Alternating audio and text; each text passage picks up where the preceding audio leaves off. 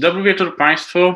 Mm, to jest pierwszy wykład, y, mam nadzieję, że z serii wykładów y, online w ramach Koła Filozofii Nauki, y, którym bardzo gorąco chciałem podziękować za zaproszenie, jak i chciałem podziękować również Wszechnicy za pomoc w rozpowszechnieniu tego wykładu oraz za udostępnienie metod jego rozpowszechniania i powiedzmy bardziej profesjonalnej obsługi i nagrywania. Ja nazywam się Jan Kwapisz, jestem doktorantem na Wydziale Fizyki Uniwersytetu Warszawskiego i chciałbym dzisiaj Państwu trochę powiedzieć o geocentryzmie, Einsteinie i co z tego dla nas e, w dzisiejszym świecie e, wynika.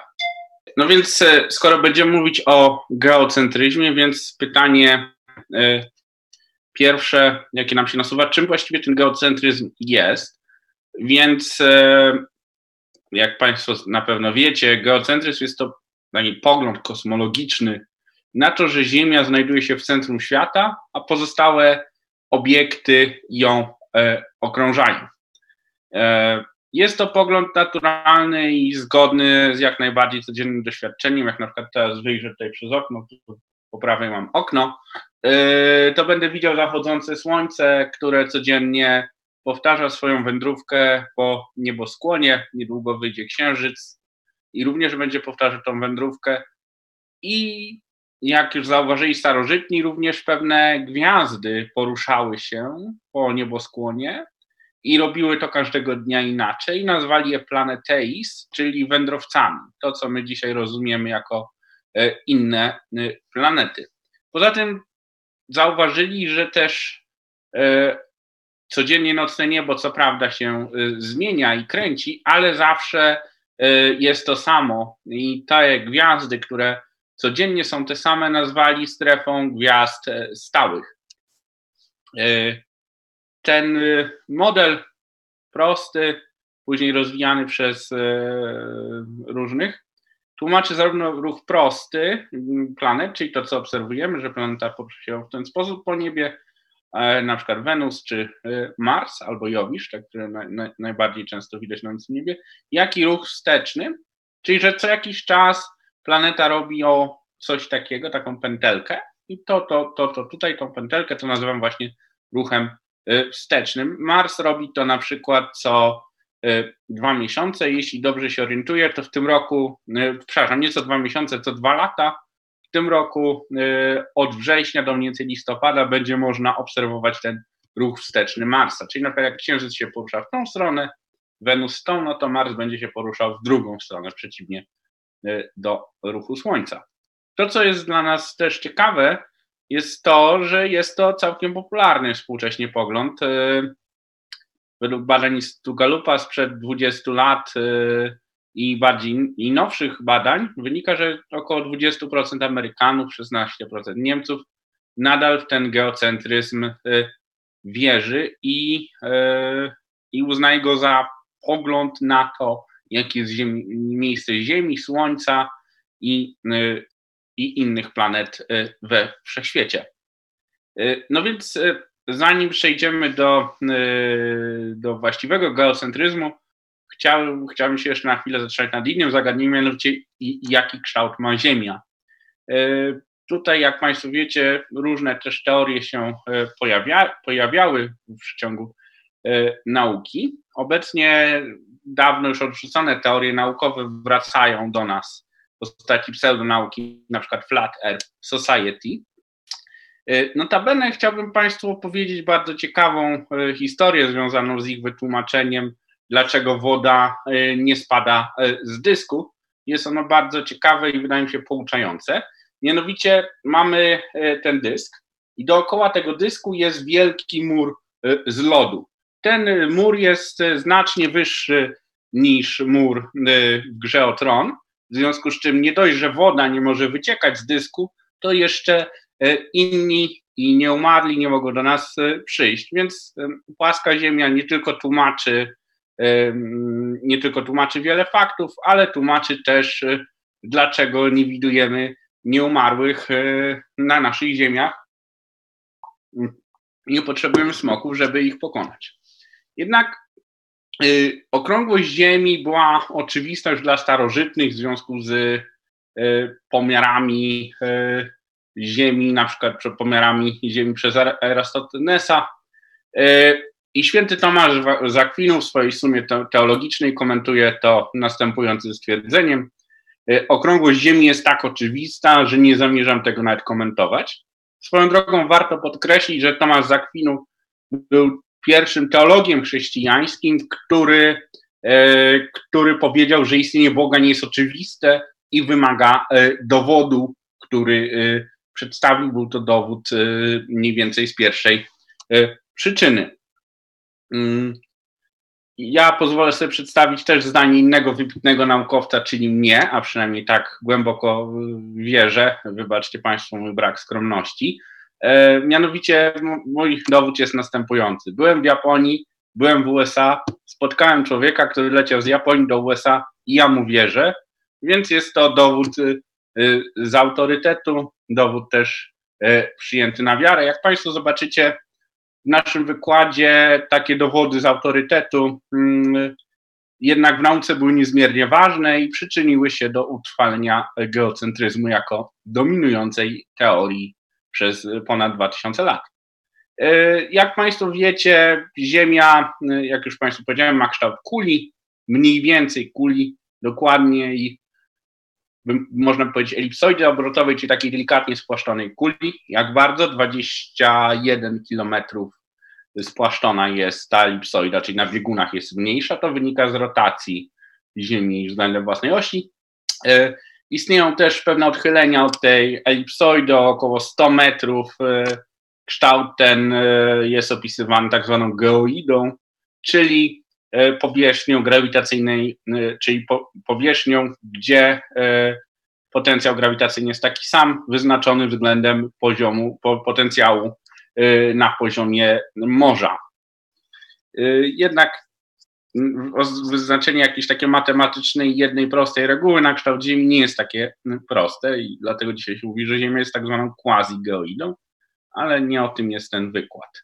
E, no więc pytanie pojawia się, jakie miejsce ta Ziemia mogła zajmować w kosmosie.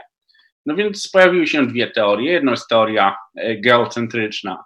W pierwszej takiej bardziej dojrzałej postaci pojawiła się w pismach Eudoksosa z Knidos w IV wieku przed naszą erą jako tak zwana teoria sfer e, homocentrycznych, e, która została przekształcona w teorię epicykli przez Hiparkosa z, Nicei, z Nikei i rozwinięta przez Klaudiusza Ptolemeusza w II wieku e, naszej ery w traktacie Almagest, gdzie nadal te epicykle były dominującym tym, były najważniejszą częścią tej teorii. Drugą teorią była teoria heliocentryczna, między innymi Arystarch Samos, ale także Seleukos, y, y, co za niespodzianka z Seleucji, y, rozwijali tą teorię.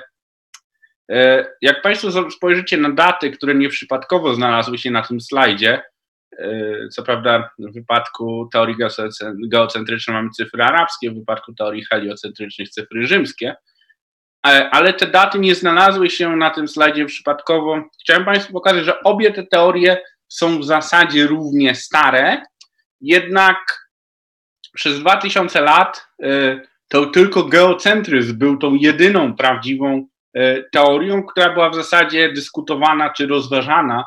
Teoria heliocentryczna była ewentualnie komentowana w poezji, jeśli, jeśli dobrze pamiętam, i też w pismach Cycerona, na których notabene Kopernik inspirował się w swoim e, heliocentryzmie.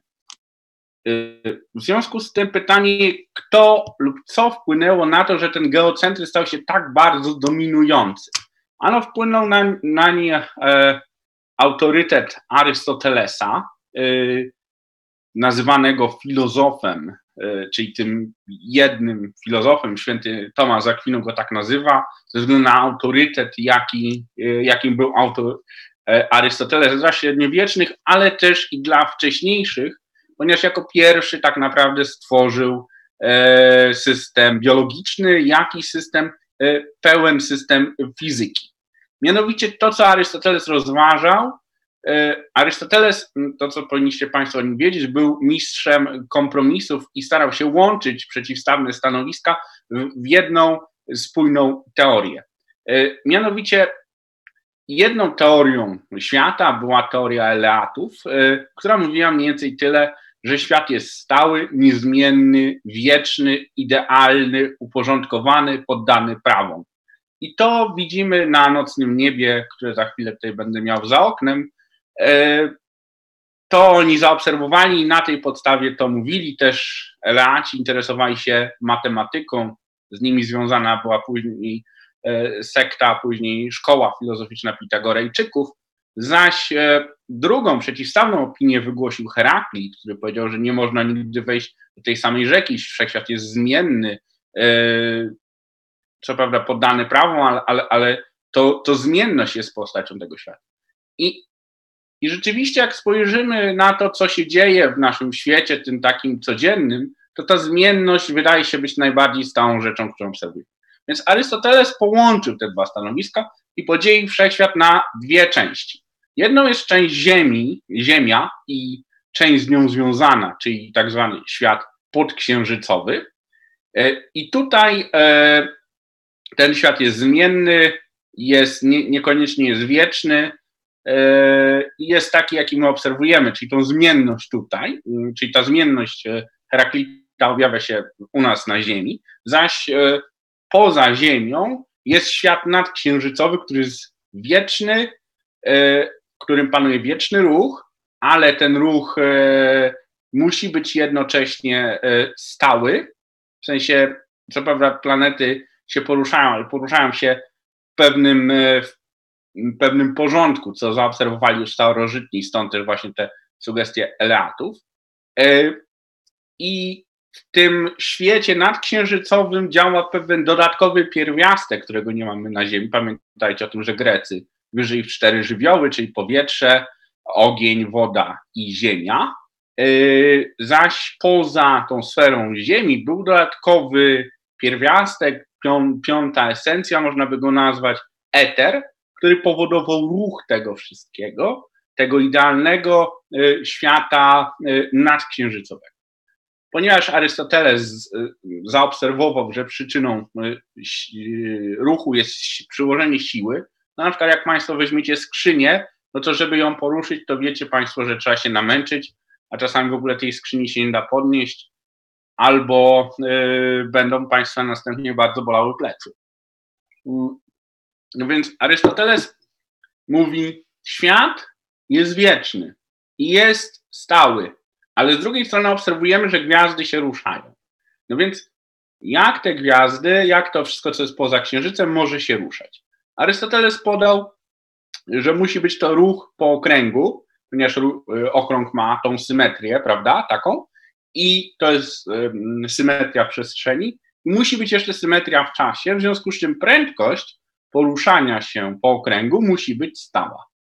Czyli mamy wieczny ruch o niezłamanej symetrii, czyli ruch y, po kole. Y, Arystoteles podaje również argument, dlaczego Ziemia nie może się ruszać. Mianowicie Arystoteles wiedział, że Ziemia również jest kulą, a skoro jest kulą, to jest idealna, jest, e, ma tą symetrię, a wiedział o tym również, że, znaczy zakładał również, e, że, e, że wszechświat zakładał również, że aby poruszyć ciało, trzeba przyłożyć siłę. Ponieważ przyłożenie siły złamałoby tą symetrię kuli, więc nie można nigdzie przyłożyć tej siły do Ziemi, co powoduje, że Ziemia nie może się ruszać, czyli Ziemia musi być w jednym miejscu. Notabene mm, Kumrun Waffa, e, czyli teoretyk teorii strun z Uniwersytetu Harvarda, podaje, że jest to pierwszy przykład zastosowania tak zwanej zasady y, złamania y, symetrii y, lokalnej, tak zwanego spontanicznego złamania symetrii lokalnej, czyli mechanizmu Higgsa, który obecnie tłumaczy masy części cząstek elementarnych i w swojej idei filozoficznej jest to ten sam argument, którym posłużył się Arystoteles i tym, którym posłużył się e, Higgs w swoich pracach. Mm, znalazłem to w jego wykładach i uznałem, że jest to bardzo ciekawe, żeby Państwu pokazać, że pewne idee wypracowane już w starożytności co do swojej filozoficznej, e, co do, co, co do tego, jakie są filozoficzne, filozoficznie, są identyczne z tym, co my widzimy dzisiaj, jednak matematyka jest zupełnie inna i w związku z tym aplikowalność tego jest e, zupełnie inna. Więc w związku z tym system Ptolemeusza jest zastosowaniem filozofii Arystotelesa do kosmosu. On próbował zrozumieć, jak ten nasz kosmos wygląda, jeśli założymy te zasady Arystotelesa. Więc orbity muszą być koliste, ruch jednostajny. No dobrze, e, no ale jeśli, jeśli coś taki zbudujemy system, to niespecjalnie nam cokolwiek wyjdzie, będzie to kompletnie niezgodne e, z doświadczeniem, jakie było obserwowane, bo był obserwowany na przykład ten ruch wsteczny, o którym Państwu mówiłem. No więc, aby to wytłumaczyć, e, Ptolemeusz i Hipark przed nim założyli, że istnieją tak naprawdę dwa okręgi, po których poruszają się planety. Po pierwsze istnieje okrąg taki duży, nazywany deferentem, po którym porusza się środek tego drugiego okręgu i po tym okręgu drugim krąży planeta. I ten okrąg, po którym krąży planeta, ten okrąg, który krąży i po którym krąży planeta, nazywamy e, epicyklem. I to właśnie epicykle tłumaczą ruch e, wsteczny planet. Teraz e, to, co Ptolemeusz zauważył, że Słońce i Księżyc nie mają epicykli. Dziwne, prawda? Co jeszcze ważne, Ptolemeusz poustawiał planety w kolejności i były planety, które były bliżej Ziemi niż Słońce. To był Merkury i Wenus. Naszym było Słońce, Księżyc i, da, i dalej planety zewnętrzne. Możecie Państwo zobaczyć to na tytułowym e, slajdzie tego wykładu, jak to dokładnie Ptolemeusz poukładał. I teraz zauważmy, że okres obiegu deferentu dla planet wewnętrznych ma tyle, ile jeden rok gwiazdowy, no czyli jeden, czyli 365 e, dni. Dla planet zewnętrznych jest on różny. Z kolei obieg, okres obiegu epicyklu dla Merkurego i Wenus e, wynosi odpowiednio 88 dni i 225 dni, zaś dla pozostałych planet dokładnie jeden rok ziemski. A jeszcze pytanie, jak wyjaśnić strefę gwiazd stałych? Ano, ona się obraca przez ten cyklu 24-godzinnym, tak jak my obserwujemy to na niebie, czyli ona się co prawda porusza, ale co wieczór jest, jest taka sama. W takim mechanicystycznym obrazie świata, później w średniowieczu i późniejszych wyobrażeniach wyobrażamy sobie, że tam są anioły, które poruszają takimi przekładniami, które powodują poruszanie się tej strefy gwiazd e, stałych.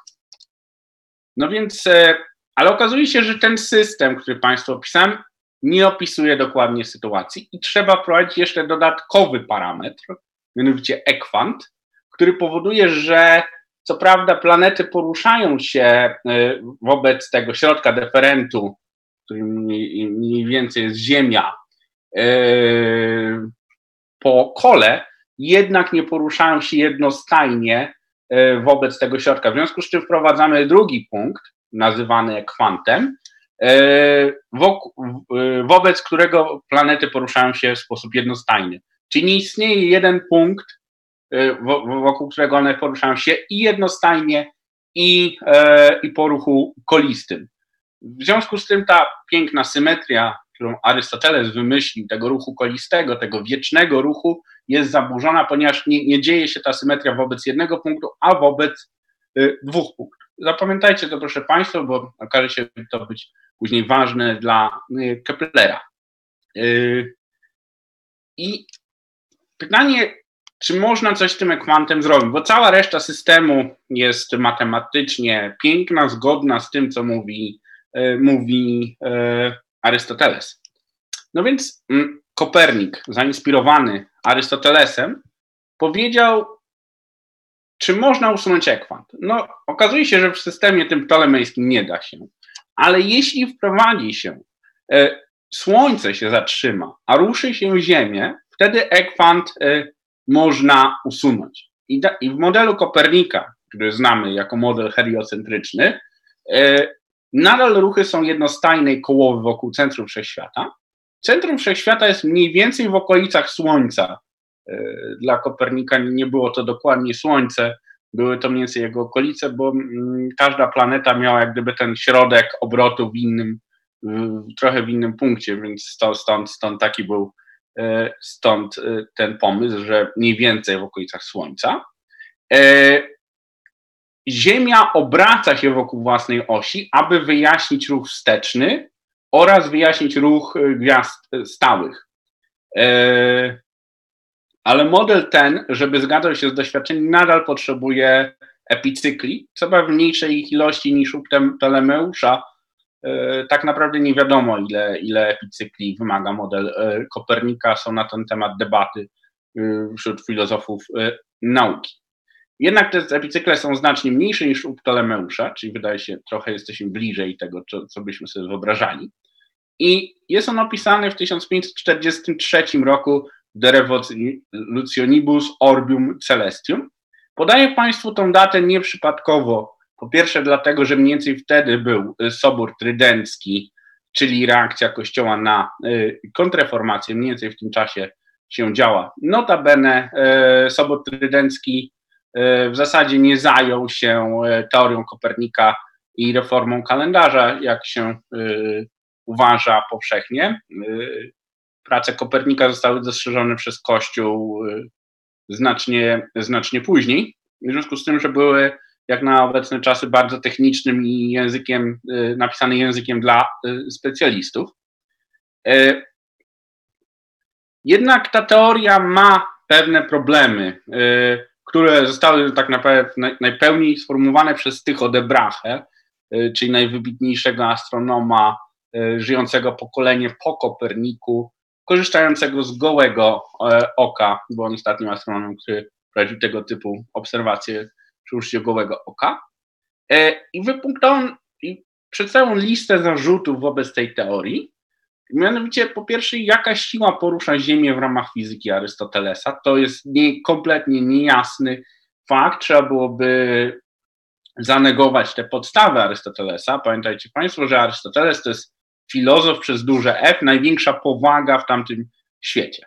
Po drugie, nie zaobserwowano efektu paralaksy. Jest to efekt związany z tym, że jeśli Ziemia w zimie jest tutaj, a latem jest tutaj, to strefa gwiazd stałych powinna być trochę przesunięta e, w tych dwóch e, przypadkach. I w związku z tym, e, w związku z tym taki efekt nazywamy paralaksą i powinien być on zaobserwowany. Jednak nie został zaobserwowany zaraz Państwu powiem, kiedy był zaobserwowany. Był zaobserwowany 300 lat po śmierci, po wydaniu dzieła przez Kopernika. No, do czego zaraz dojdziemy. E, model Kopernika nie przewiduje lepszej, lepszego opisu e, ruchu planet niż e, model Ptolemeusza i nie, i nie ma zasadniczo znacznie mniejszej ilości parametrów niż model Ptolemeusza. Z tego co pamiętam, mniej więcej się mówi, że model Kopernika miał około 60, model Ptolemeusza około 80, więc jest to porównywalna liczba. Jednak to, co Tycho de Brahe powiedział, że teoria Kopernika jest znacznie bardziej atrakcyjna logicznie, ponieważ wszystkie planety poruszają się w ten sam sposób, bo na przykład u Ptolemeusza niektóre mają epicykle, inne nie mają epicykli, e, jakoś te epicykle mają jakieś dziwne zależności, synchronizację ze Słońcem, tego już Państwu nie przedstawiałem, ale jest on znacznie prostszy logicznie i ta prostota logiczna jak gdyby uwiodła kolejne pokolenia badaczy, żeby jednak ten heliocentryzm uznać, czyli nie eksperyment, na razie jeszcze nie eksperyment, a ta prostota logiczna tego y, wywodu, mimo faktu, że matematycznie obliczenia w teorii Kopernika były znacznie trudniejsze, ale założenia wydawały się ludziom znacznie piękniejsze. Zresztą Tycho de Brahe zaproponował na wzór Kopernika swój model, mianowicie Ziemia znowu jest w środku wszechświata, jednak teraz tylko Słońce obiega Ziemię, a wszystkie pozostałe planety już krążą wokół e, Słońca. Jednak, jak Państwo widzą, e, żeby sformułować bardziej nowoczesny pogląd, trzeba było pokusić się na odrzucenie Arystotelesa. I ten krok wykonał e, Kepler, który odrzucił e, na podstawie, na podstawie obserwacji tych Odebrache, skonkludował, że orbita Marsa nie jest orbitą kołową, lecz jest orbitą bardzo delikatnie eliptyczną. Zresztą pytanie, czy Tycho de Bracha o tym wiedział i, za, i, nie, i postanowił zataić te wiadomości, czy też nie zauważył tego w swoich e, notatkach. To jest, myślę, ciekawe pytanie, na które odpowiedzi nie znam. E, więc jeśli nie, więc jeśli nie okręgi, no to elipsy. I jeśli to odrzucamy, no to odrzućmy również drugie założenie, czyli jednostajnej prędkości. Jak już iść, to już totalnie wszystko odrzucimy. Pytanie jeszcze jest, e, czym jest e, elipsa. Elipsa to jest taka śmieszna figura, która posiada dwa punkty, tak zwane ogniska. Takie, że odległość każdego punktu elipsy od ognisk, od sumy, suma odległości od ogniska 1 i ogniska 2 do każdego punktu elipsy jest stała. Możecie sobie Państwo narysować elipsę, jeśli wbijecie dwie szpilki, zaczepicie o nie sznurek, taki trójkąt ze sznurka, o te dwie szpilki na sztywno, na końcu trze, trze, trzeciego tego e, części tego trójkąta umieścicie długopis czy ołówek i pociągniecie tak, żeby ten sznurek był naprężony, to wtedy Państwo narysujecie e, elipsę. No więc e, Kepler powiedział, że planety poruszają się po elipsach, a Słońce znajduje się w jednym z ognisk. I teraz już nie jest tak, że tak jak u Kopernika, za każdym razem to centrum tego y, okręgu było w innym punkcie, o ile tutaj Słońce znajduje się w jednym dokładnie punkcie dla każdej planety, w związku z czym ten system jest znacznie bardziej elegancki. Po drugie, co prawda Kepler odrzucił postulat o jednostajnym ruchu, jednak nieco, tak naprawdę nieco go zmodyfikował, a nie odrzucił go w całości powiedział, że prędkość polowa e, planet jest stała. Czyli jeśli Państwo, jak Państwo spojrzycie na rysunek e, na dole prezentacji, to taka figura zakreślana przez, e, przez, przez tą planetę krążącą w danej jednostce czasu jest stała, czyli pole tej figury jest stałe w danej jednostce czasu, czyli dA po dt równa się Y, Konstans. I po trzecie, związał on okres obiegu z wielką półosią elipsy, czyli tą, tym jak gdyby dłuższym promieniem elipsy, co wyjaśniało, dlaczego planety dalej poruszały się wolniej. Jeszcze sformułował tak zwane czwarte prawo związane z bryłami idealnymi Platona. Jednak po odkryciu Urana okazało się, że on kompletnie nie, nie przystaje do tego prawa i że to prawo jest takim, powiedzmy, e, szczęśliwym zbiegiem okoliczności lub to, co my dzisiaj w fizyce nazywamy symetrią przypadkową. Spójrzmy e, na dowody na teorię Kopernika. Mianowicie już w rok po pracach e, Keplera Galileusz odkrył pierwsze obiekty, które nie orbitowały wokół Ziemi. To było dla wszystkich jasne, że nie orbitują. Mianowicie odkrył cztery Y, księżyce Jowisza, y, Ganymedes, Io, Europę i Kalisto i one orbitowały wokół Jowisza, co, na, co zaburzało ten system ptolemejski, gdzie wszystko orbitowało wokół Ziemi. Po drugie, również Galileusz w 1612 odkrył fazy Wenus i Merkurego, czyli podobne zachowanie jak naszego Księżyca w trakcie miesiąca księżycowego, czyli pełnia, nów, i kwadry. Mm, jednak to były pewne pośrednie dowody przeciwko, raczej przeciwko Ptolemeuszowi niż za Kopernikiem. I pomiar paralaksy, o którym Państwu wspominałem, który był koronnym dowodem na udowodnienie hipotezy Kopernika, Kopernik musiałby żyć ponad 300 lat, żeby dożyć tego pomiaru, bo to jest 1839 rok. Zaś obrót Ziemi wokół własnej osi został udowodniony przez, e, poprzez Foucault przy użyciu tak zwanego wahadła Foucault i to wahadło wahało się e, wraz z, zmieniało oś swojego wahania. Nazywamy tą zmianę efektem Coriolisa. I to jest je, jeszcze 12 kolejnych e, lat. Więc do tamtego czasu teorię Kopernika można było traktować jako hipotezę naukową, po tych 300 latach dopiero stała się teorią naukową z prawdziwego zdarzenia. Jednak za chwilę, jak Państwo się przekonacie, chwilę po tym odkryciu teorii został zadany również kolejny cios z kolei przez Einsteina, ale nie uprzedzajmy faktów. Spójrzmy jeszcze na, mm, na to, jak ten wszechświat miał wyglądać. Mianowicie, jak Państwo spojrzycie tutaj na okresy obiegów, które Państwu wypisałem, i przypomnicie sobie Państwo dane, które Państwu podałem dla epicykli i deferentów, to zauważycie Państwo, że epicykle planet wewnętrznych są identyczne z okresami obiegów, zaś deferenty planet zewnętrznych są identyczne z okresami obiegów.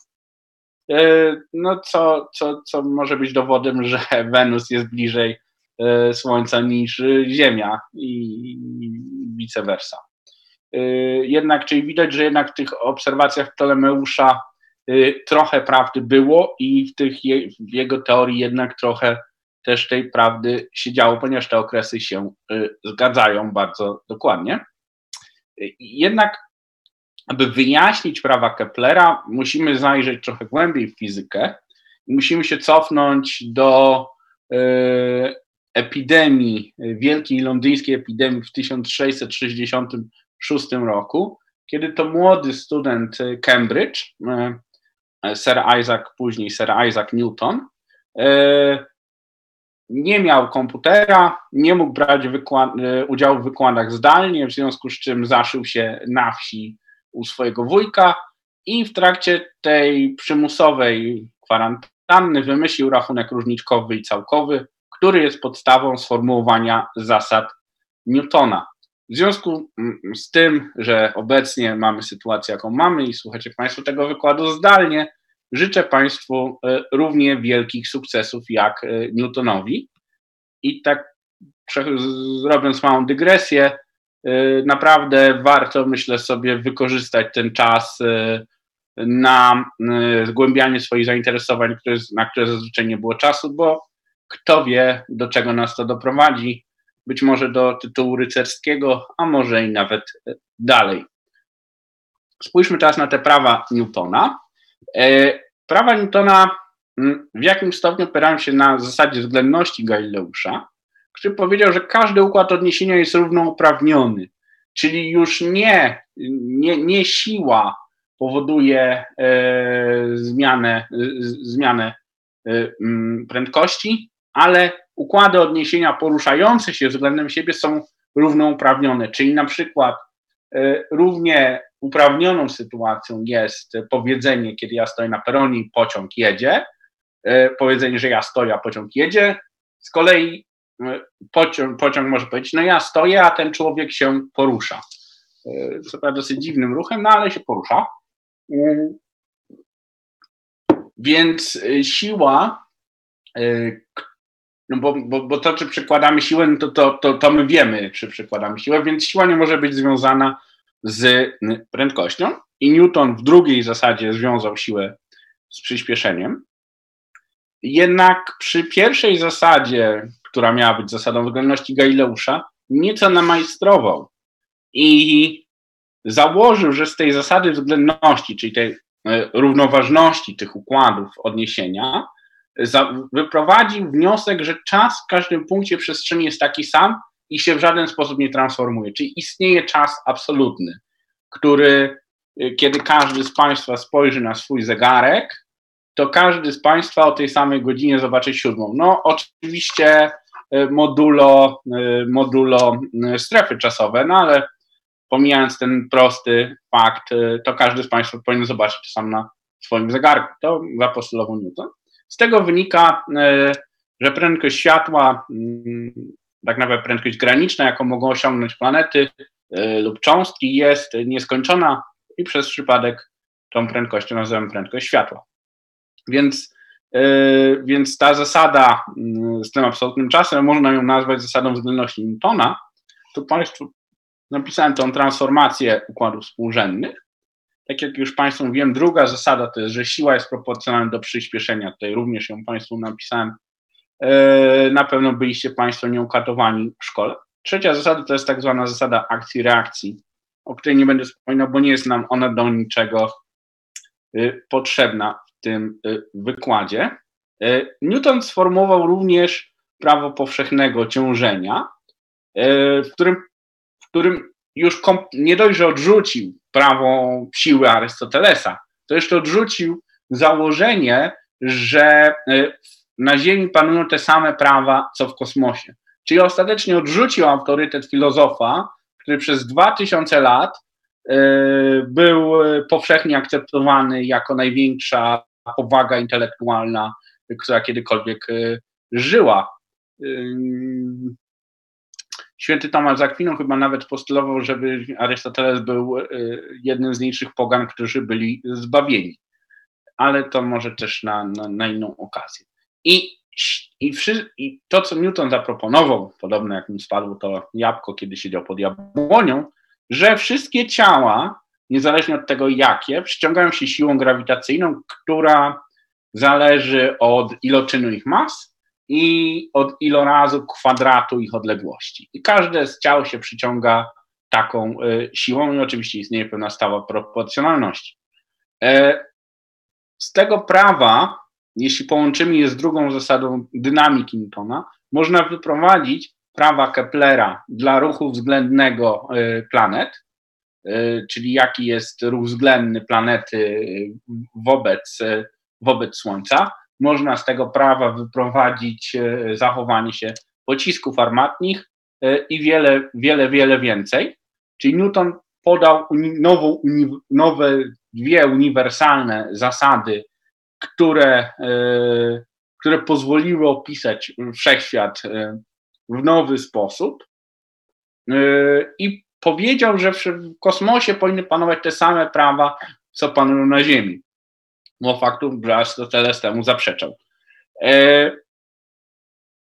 No ale pytanie, jak jeszcze tutaj powiedzieć, że Słońce jest nieruchome? No tutaj, mm, tutaj pomysł Newtona jest bardzo prosty. Słońce jest tak ciężkie, że, e, że w zasadzie się w ogóle nie porusza, bo ta siła to w zasadzie na nim nie działa. Czyli jak gdyby, jeśli weźmiemy masę nieskończoną, no to nieważne jak bardzo będziemy to pchać, no to to i tak i tak się nie poruszy, no bo przypominam Państwu, że F równa się m razy a, czyli przyspieszenie jest proporcjonalne do, do siły i tutaj jeszcze mamy tą masę, więc jeśli podzielę F przez masę, to jeśli ta masa jest wielka, no to y, będzie A będzie bardzo małe.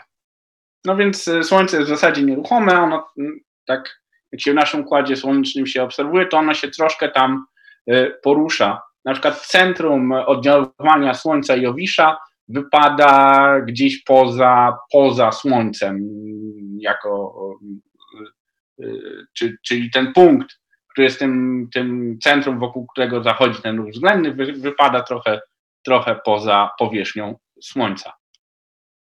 No dobrze, ale kiedy Newton świętował swoje największe sukcesy, co prawda już w grobie, e, kiedy potwierdzono paralaksę, potwierdzono heliocentryzm, to nie minęło 50 lat, kiedy pojawiły się nowe problemy fizyki i potrzebne były kolejny przewrót, e, tym razem dokonany przez e, Alberta Einsteina, który, który wrócił do pierwotnej postaci zasady Galileusza, i wykazał, że z tej zasady, jeśli przyjmiemy ją jako podstawową zasadę fizyki, w żaden sposób nie wynika absolutny czas, że czas może się transformować, tak samo jak y, transformowaliśmy przestrzeń tutaj tą transformacją Galileusza.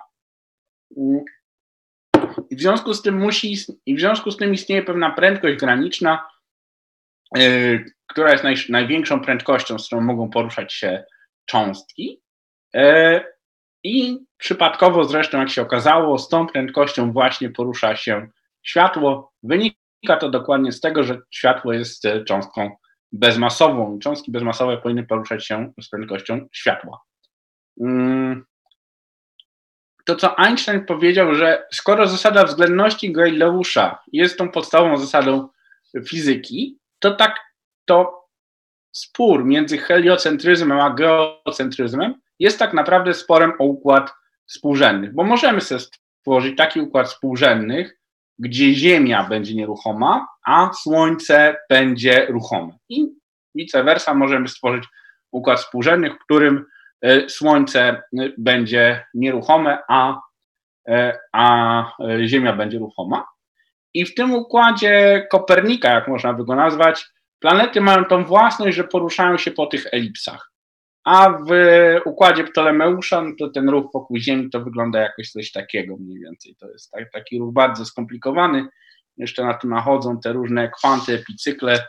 Więc po prostu Ptolemeusz wybrał gorszy układ współrzędnych. Jednak pytanie, czy możemy tak naprawdę w ten sposób y, postąpić?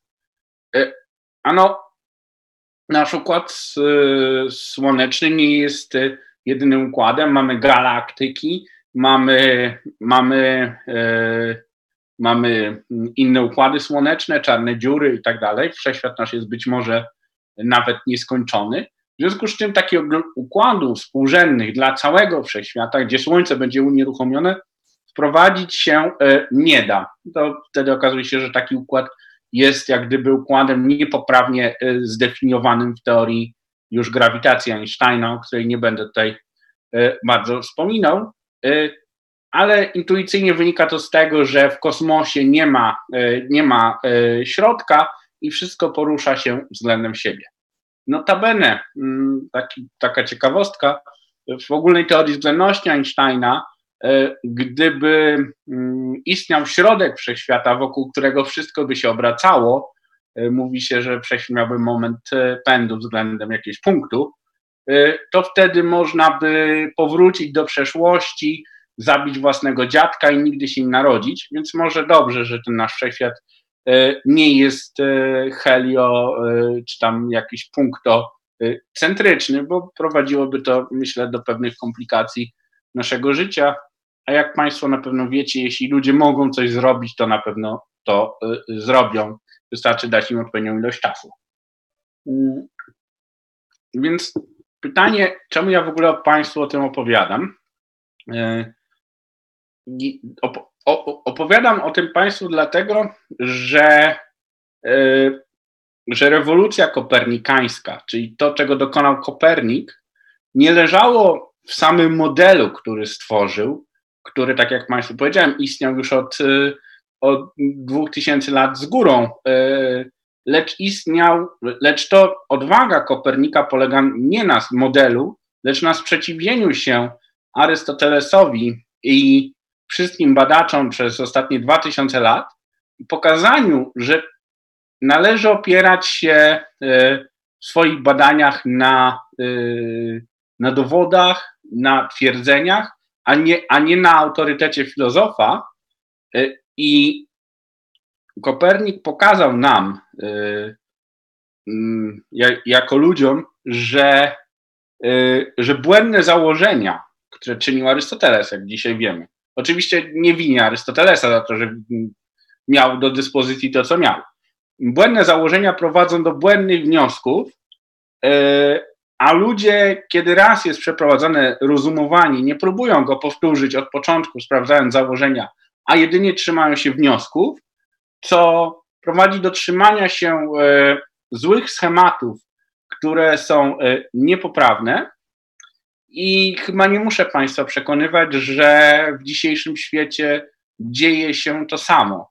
Więc e, myślę, że powinniśmy docenić dzieło Kopernika właśnie dlatego, że on jako pierwszy pokazał nam, że można inaczej, że nieważne jaki wielki tytuł naukowy ktoś ma, zawsze na końcu liczą się dowody, fakty, Y, no w matematyce liczą się twierdzenia, y, liczą się kto jakie założenia czyni i co z tego wyprowadza i czy robi to poprawnie, a nie y, ile tytułów, ile doktoratów honoris causa ma przed swoim nazwiskiem. I to, co Kopernik jeszcze nas nauczył, że hipotezy naukowe powinny nie tylko wyjaśniać istniejące fakty naukowe, ale także przewidywać nowe, w tym wypadku na przykład paralaksy albo ruchy Ziemi. E, I często na potwierdzenie swoich badań można czekać całe życie. Kopernik no, musiałby czekać znacznie dłużej niż całe życie, zwłaszcza, że pewnie średnia wieku w tamtych czasach było 40 lat. Dlatego myślę, że można śmiało powiedzieć, że rewolucja kopernikańska, rozumiana jako ta rewolucja przeciwstawienia się autorytetom, i zrozumienia, że nauka nie jest o autorytetach, a jest o faktach, jest największym osiągnięciem cywilizacji europejskiej e, i powinniśmy być dumni z tego, że właśnie w Polsce narodziła się ta myśl, e, że właśnie w Polsce narodziła się ta myśl. Żeby Państwu pokazać, że ta rewolucja nadal trwa, postanowiłem przedstawić e, dwa badania swoich kolegów, z którymi miałem przyjemność albo współpracować, albo korespondować, albo rozmawiać o tych badaniach. E, które prowadzone są e, w różnych miejscach na świecie, w których dalej podważa się założenia, które uznają za fundamentalne, szuka się nowych faktów i nowych wniosków. Mianowicie dzisiaj w fizyce wielkim problemem jest, jak połączyć teorię względności z mechaniką kwantową. E, jedną z takich modyfikacji zaproponował Petr Chorzawa, zresztą Czech, obecnie profesor na Uniwersytecie w Berkeley. Zaproponował, że wysokich energiach, tych, które są niedostępne naszemu poznaniu, e, zasada Einsteina nie obowiązuje, lecz obowiązuje zasada e, Newtona, e, czyli ta, gdzie ten czas jest absolutny. Dokładniej to to oznacza, że to może dla bardziej zaawansowanych, że symetria dyfeomorfizmów teorii względności jest łamana do symetrii dyfeomorfizmów przestrzennych. Jest to artykuł sprzed 10 lat, którym Petr Chorzawa pokazuje, że jeśli się założy taką, taką dziwną symetrię, której prędkość światła dla wysokich energii staje się znowu nieskończona, tak jak u Newtona, to wtedy grawitację można połączyć z mechaniką kwantową, czego normalnie wykonać się nie da. Tu zostawiłem Państwu, gdyby ktoś z Państwa był zainteresowany tym artykułem, to tutaj zostawiłem referencję Wystarczy ją wpisać w internet i wtedy się znajdzie. Wystarczy tylko cyferki wpisać, nie trzeba archive wpisać, to też się znajdzie ten artykuł. Jest on publicznie dostępny, yy, ponieważ fizycy mają taką przyjemność własność, że lubią publikować swoje artykuły za darmo na yy, tak zwanych serwisach preprintowych, którym głównego przedstawicielem jest archive, ponieważ yy, wierzymy w wolność nauki. Ale dość tych dygresji. Drugim takim zespołem, który też odrzuca pewne postulaty, które są przyjęte powszechnie za Einsteinem. Jest zespół, jest Andrzej Dragan i Arthur Eckert. I oni w zeszłym roku zaproponowali, że jeśli w teorii Einsteina względności dopuścimy obiekty poruszające się szybciej niż światło, to można wtedy wyprowadzić mechanikę kwantową bezpośrednio z teorii względności. Czyli wszystkie te prawdopodobieństwa, które pojawiają się w mechanice kwantowej, będą wynikać z takich dziwnych transformacji układów współrzędnych, gdzie są zaangażowane e, cząstki poruszające się szybciej niż światło. Tu również zostawiłem Państwu referencję do tego artykułu. Więc tak jak Państwo widzicie, rewolucja kopernikańska trwa i nie dajmy się zdławić tym autorytetom, e, często naukowym, które mówią coś, co mówią, ale szukajmy, sprawdzajmy, badajmy, sięgajmy do źródeł i próbujmy uczynić ten nasz świat lepszym miejscem, mimo tego, że często trzeba czekać na to 300 lat.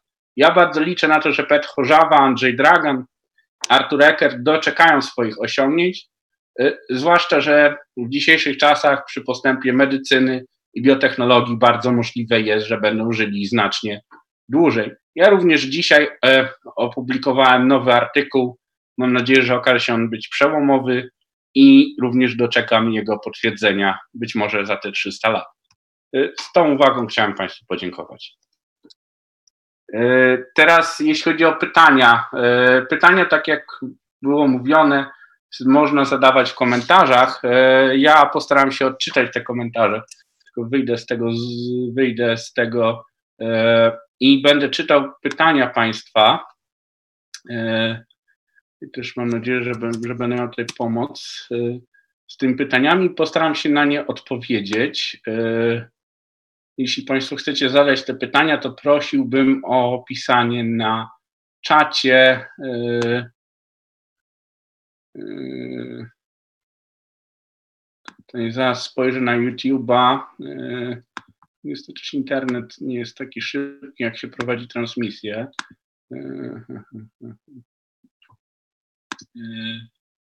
Też mam nadzieję, że, będę miał tutaj pomoc z tymi pytaniami. Okej, okay, dobra, już patrzę na komentarze. Yy...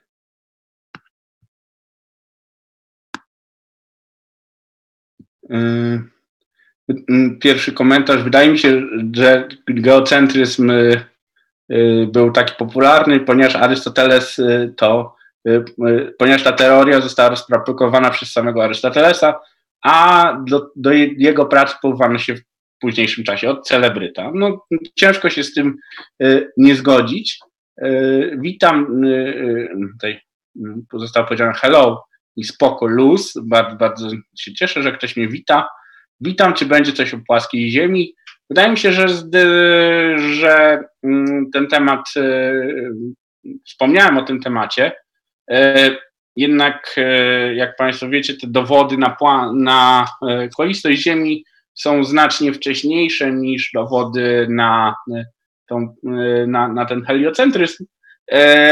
No i biorą się na przykład z obserwacji horyzontu, czy z obserwacji, e, czy z obserwacji tego wyłaniania się żaglowca, a także, mm, jeśli się nie mylę, z takiego bardzo sprytnego eksperymentu przeprowadzonego bodajże przez Erastotenesa, gdzie obserwował on Y, słońce, y, czas, w którym Słońce jest w zenicie w jednym punkcie, czas, w którym jest w drugim punkcie i wtedy na podstawie takiej triangulacji był w stanie, i znał odległość między tymi dwoma punktami, na podstawie tej triangulacji był w stanie wyznaczyć nieco promień y, Ziemi. Mm, ja również witam wszystkich, witam.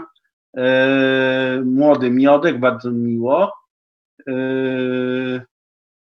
Mam nadzieję, że mówisz tak dlatego, że tłumaczysz podstawy. No, staram się. Może będzie trivium. Nie, nie wiem, co ma ktoś na myśli mówiąc trivium. Yy, yy, oglądający jeszcze pomyślą, że jesteśmy nienormalni, więc opuśćmy zwrot typu determin, determinanta, okażmy szacunek prelegentowi, to może nie pytanie. Koniec żartów. Czy Słońce nie powinno być za Księżycem?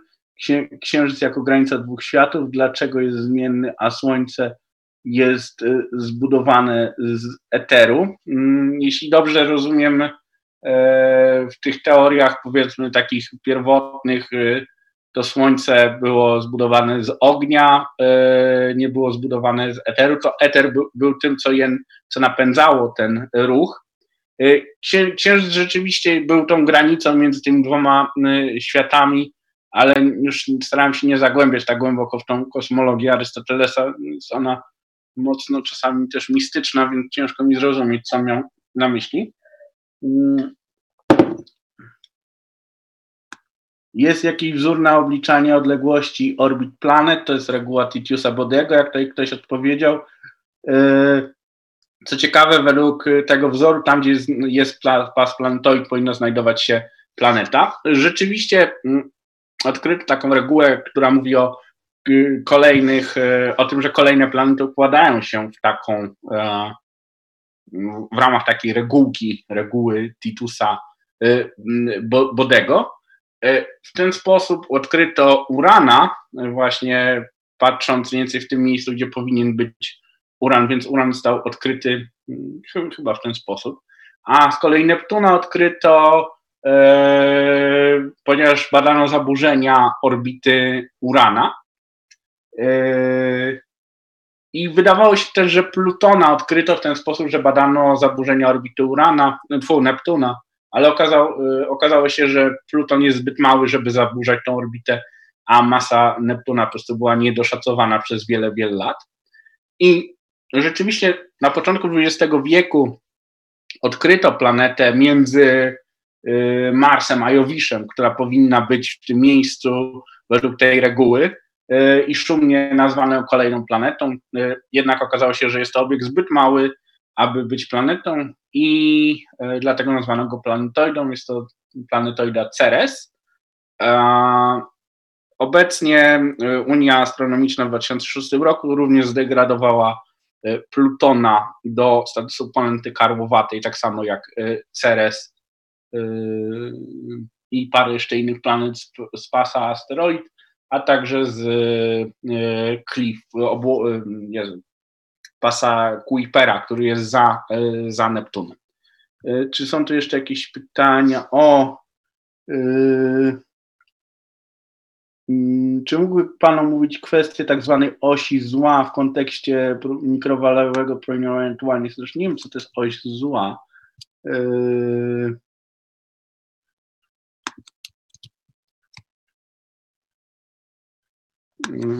niestety też tego nie wiem, przyznam się szczerze, więc się nie odniosę. Kopernik jeszcze podał przykład pewnego gwiazdozbioru, który był widoczny z Włoch, a nie z Polski, jako dowód na kulistość. Myślę, że, że, yy, że i jest tak jak najbardziej możliwe yy, i, i taki argument mógł być użyty. Y, y, co jeszcze Twoim zdaniem jest najważniejsze w przekonywaniu ludzi przeciwko y, teoriom spiskowych, na przykład na przykładzie płaskoziemców? To, co mi się wydaje, że jest ważne w przekonywaniu ludziom, ludzi przeciwko mm, teoriom spiskowym, jest po pierwsze okazywanie im szacunku, nie mówienie do nich z góry, bo to się często źle kończy, bo oni się zasklepią w swoich, swoich w swoich e, problemach, i, znaczy w swoich teoriach i, i, i nie będą próbowali tego zbadać. A po drugie, wydaje mi się, że powinniśmy dać im samemu zbadać e, to zagadnienie, czyli dać im no, do ręki narzędzia, czyli na przykład w wypadku płaskoziemców, prawda?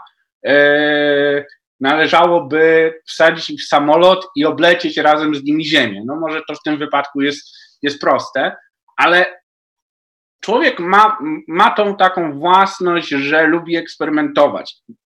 I ponieważ pseudonauka tym się różni od nauki, że nie jest, e, że, że, że, że nie jest e, naukowa, czy nie da się potwierdzić eksperymentalnie, to trzeba dać tym ludziom e, eksperymentować. Te eksperymenty mogą być bardzo różne. No w wypadku płaskiej Ziemi jest to dosyć proste, że, że tego muru na, na granicach nie ma. Y, no, w wypadku antyszczepionkowców y, suche, suche statystyki często są trudne do zrozumienia dla ludzi. Ale wydaje mi się, że gdyby z tymi ludźmi usiąść, przedstawić ich, po, po, pokazać tych ludzi, którzy produkują te szczepionki, że to nie jest jakaś wielka y, big pharma, która ich szczuje, tylko, tylko na, naprawdę o to dbają. Na przykład jak było polio, które powodowało y, dysfunkcję organizmu, to pokazać ludziom żelazne płuca, czyli część ludzi nie mogła oddychać i musiała być zamknięta na stałe w takim żelaznym płucu. Notabene niektórzy ludzie nadal płodzili dzieci, będąc w tych y, żelaznych y, płucach. Więc wydaje mi się, że, że poprzez pokazywanie można tylko tych ludzi przekonać i z dużym, dużym szacunku. E, witam. Dlaczego w teorii względności 1 plus 1 nie zawsze równa się 2? E, no, w teorii względności 1 plus 1 zawsze równa się 2. Nie do końca wiem, co autor miał na myśli.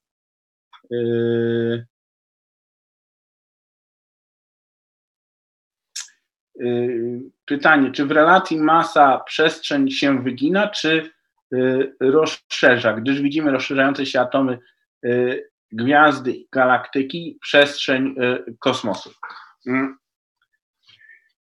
To jest, to nie, nie jest takie proste pytanie, żeby na nie odpowiedzieć w dwie minuty. Mianowicie e, mm, okazuje się, że w teorii Einsteina grawitacja w pewnych szczególnych warunkach może być odpychająca, co powoduje, że przez, że czasoprzestrzeń się rozszerza w czasie. I na przykład w takim wszechświecie my żyjemy, który jest wypełniony ciemną materią, która dominuje y, kompletnie nasz cały wszechświat, co powoduje, że, y, że ten nasz wszechświat się rozszerza. Jednak lokalnie y, pola grawitacyjne są przyciągające, co powoduje, że lokalnie ten efekt jest znoszony i tylko w skali całego wszechświata można go zaobserwować. W związku z czym jest to przyciągające. Można sobie wyobrażać to przyciąganie, znaczy ja mówię przyciąganiem, teorii Einsteina przyciągania nie ma, ale tak mówiąc powiedzmy po ludzku, bo to nie, nie wykłada ogólnej teorii względności, e, to, to przyciąganie bierze się z tego, że każda cząstka chce się poruszać po najkrótszej możliwej krzywej, jednak podłożenie masy powoduje wyginanie tej krzywej. On na przykład, jak wezmę kartkę papieru, prawda? E, no, mówię, eksperyment. E, prawda? I tutaj położę ten mikrofon, o, no to wtedy ta kartka się wygina. No i tak samo jest w teorii względności. Mniej więcej, że jak położycie na tej płaskiej kartce jakąś czasoprzestrzeń, to ona jest taka bardzo wyginająca się chętnie. Jak położycie masę, to ona jak gdyby ją wygina, co powoduje zapadanie. I w związku z tym, że to jest takie pozakrzywiane, to cząstki, które lecą po, po tym, po tym,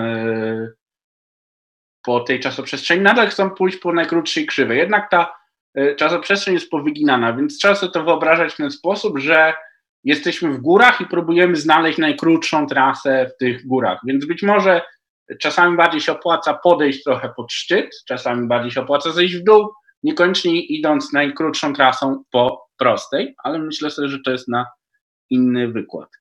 E, cześć Jasiu, no bardzo mnie cieszy, że ktoś się ze mną.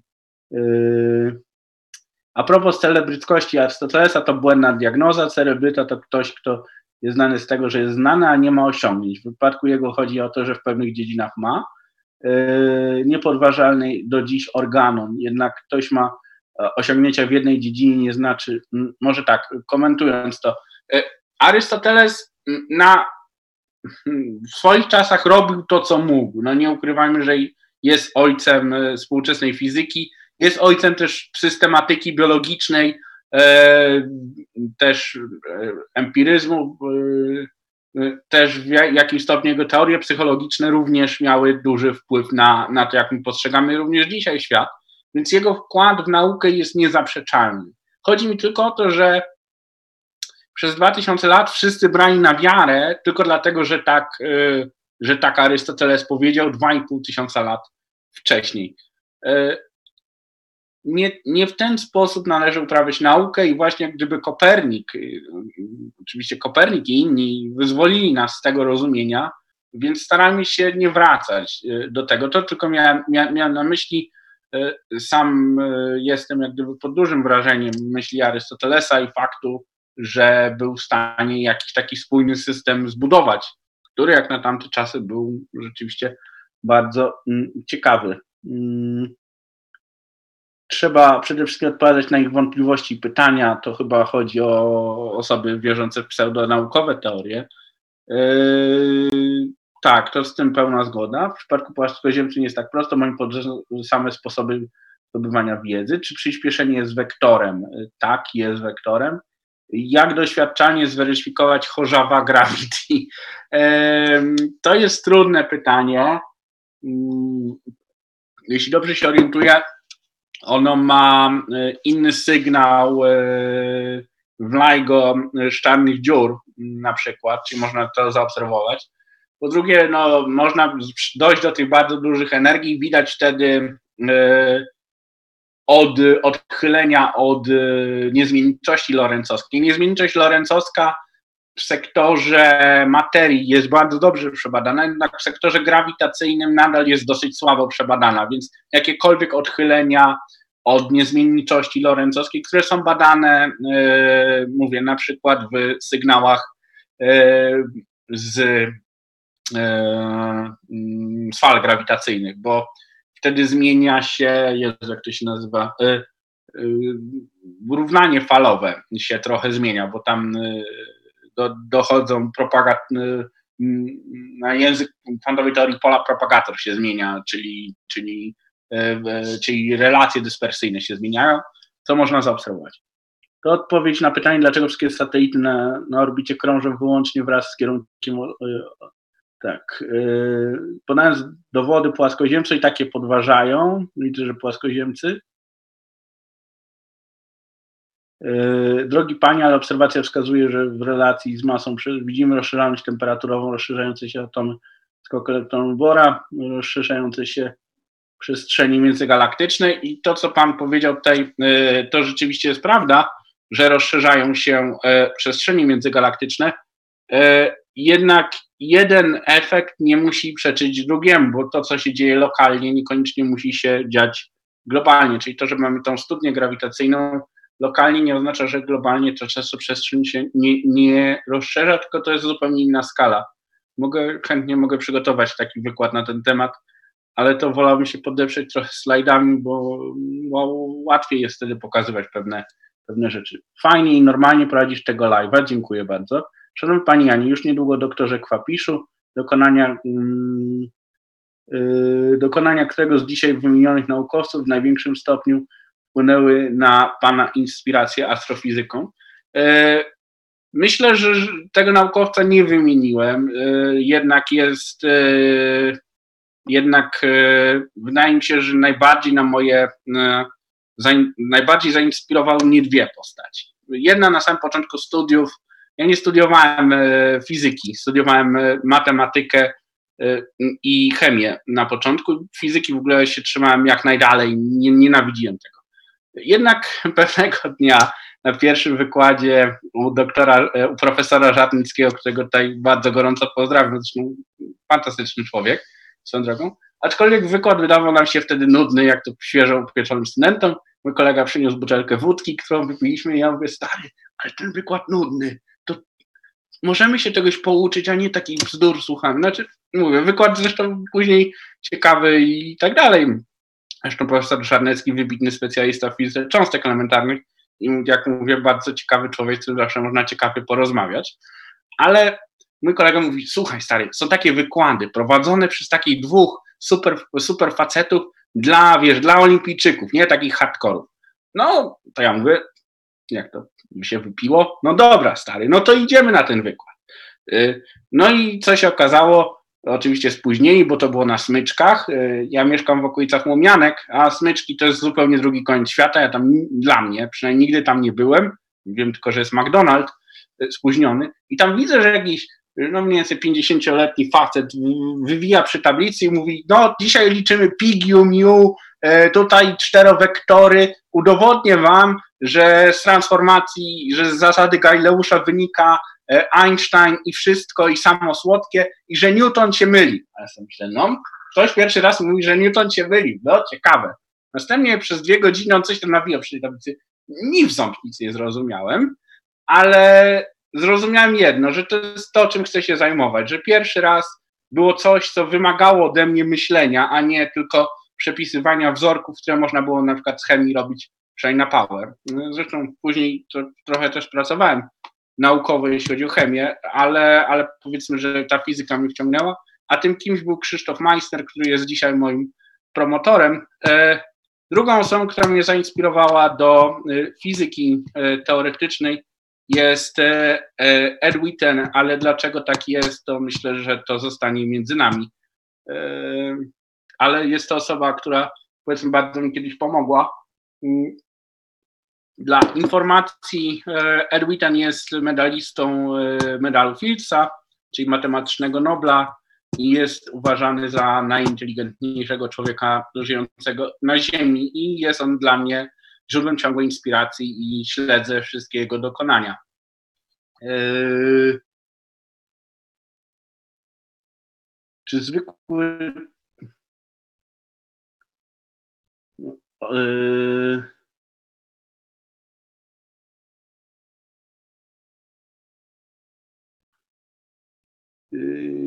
mogę się później odnieść, może jeśli chodzi o te, te, te komentarze, jeszcze tutaj wybiorę. Czy zwykły człowiek może sam dojść do tego, że Ziemia jest kulą? E, myślę, że może, no, poprzez obserwację na przykład, na, na, na przykład horyzontu.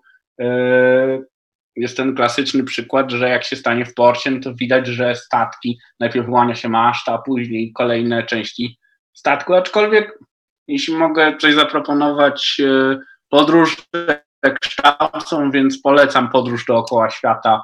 Yy, chętnie doradzę różne miejsca. Yy, I to jest też fajne w nauce, że, że można te podróże dookoła yy, świata odbywać. Widzę, że ktoś tutaj odpowiada na, na pytania.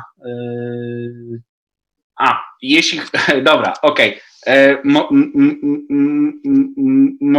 Może, może, może inaczej, jeśli chodzi o, o, o, o wygnanie i rozszerzanie, to mm, myślę sobie, że warto zajrzeć do teorii, jak on się nazywa, e, Nordstroma. I tam przestrzeń się tylko rozszerza, a w teorii Einsteina jest trochę inaczej, bo się rozszerza i wygina. Bo rozszerzanie, może, może, może tak, e, pozwolę sobie na chwilę na wtręt matematyczny. Rozszerzanie to mm, jest związane z czynnikiem konforemnym, który stoi przed metryką i metryka w teorii e, Nordstroma jest konforemnie płaska, w związku z czym jest tylko rozszerzanie, a w, a w teorii Einsteina jest, e, jest również wyginanie się, ponieważ metryka nie jest konforemnie płaska. No, mam nadzieję, że taka odpowiedź. E, nie, chcę tutaj wchodzić w te kwestie, mogę kiedyś poprowadzić. Widzę, że tutaj zostały, zostały, to zostały komentarze zdominowane. Kiedy zdecydował się Pan zostać badaczem kosmosu, to myślę, że odpowiedziałem na to pytanie. Czy jeszcze mam jakieś pytania? Tutaj widzę, że dyskusja rozgorzała odnośnie tego. Chyba na wszystkie odpowiedziałem Państwa pytania. Mogę jeszcze spojrzeć na Facebooka. Eee, nie, nie, widzę, nie słyszę. Jeszcze spojrzę na Facebooku jak to się dzieje, czy coś tam jakieś są komentarze. A jeśli nie, to bardzo Państwu podziękuję. Nie, nie, nie widzę tutaj jakichś komentarzy, nie widzę, że ktoś dodawał coś. E, jeśli nie, to bardzo Państwu podziękuję. Mam nadzieję, że spotkamy się e, jeszcze, jeszcze w jakimś czasie. Ja też postaram się wrócić z jakimś ciekawym dla Państwa tematem. Jest to dla mnie nowe doświadczenie, tak samo jak dla Państwa ale myślę sobie, że warto o tych rzeczach dyskutować e, i warto czasami spojrzeć dalej niż tylko nasze podwórko, gdyż cóż, no, tym się profesjonalnie zajmuję i tak się stało, że, że to mnie fascynuje. I dziękuję Państwu. Życzę miłego dnia. Dobranoc.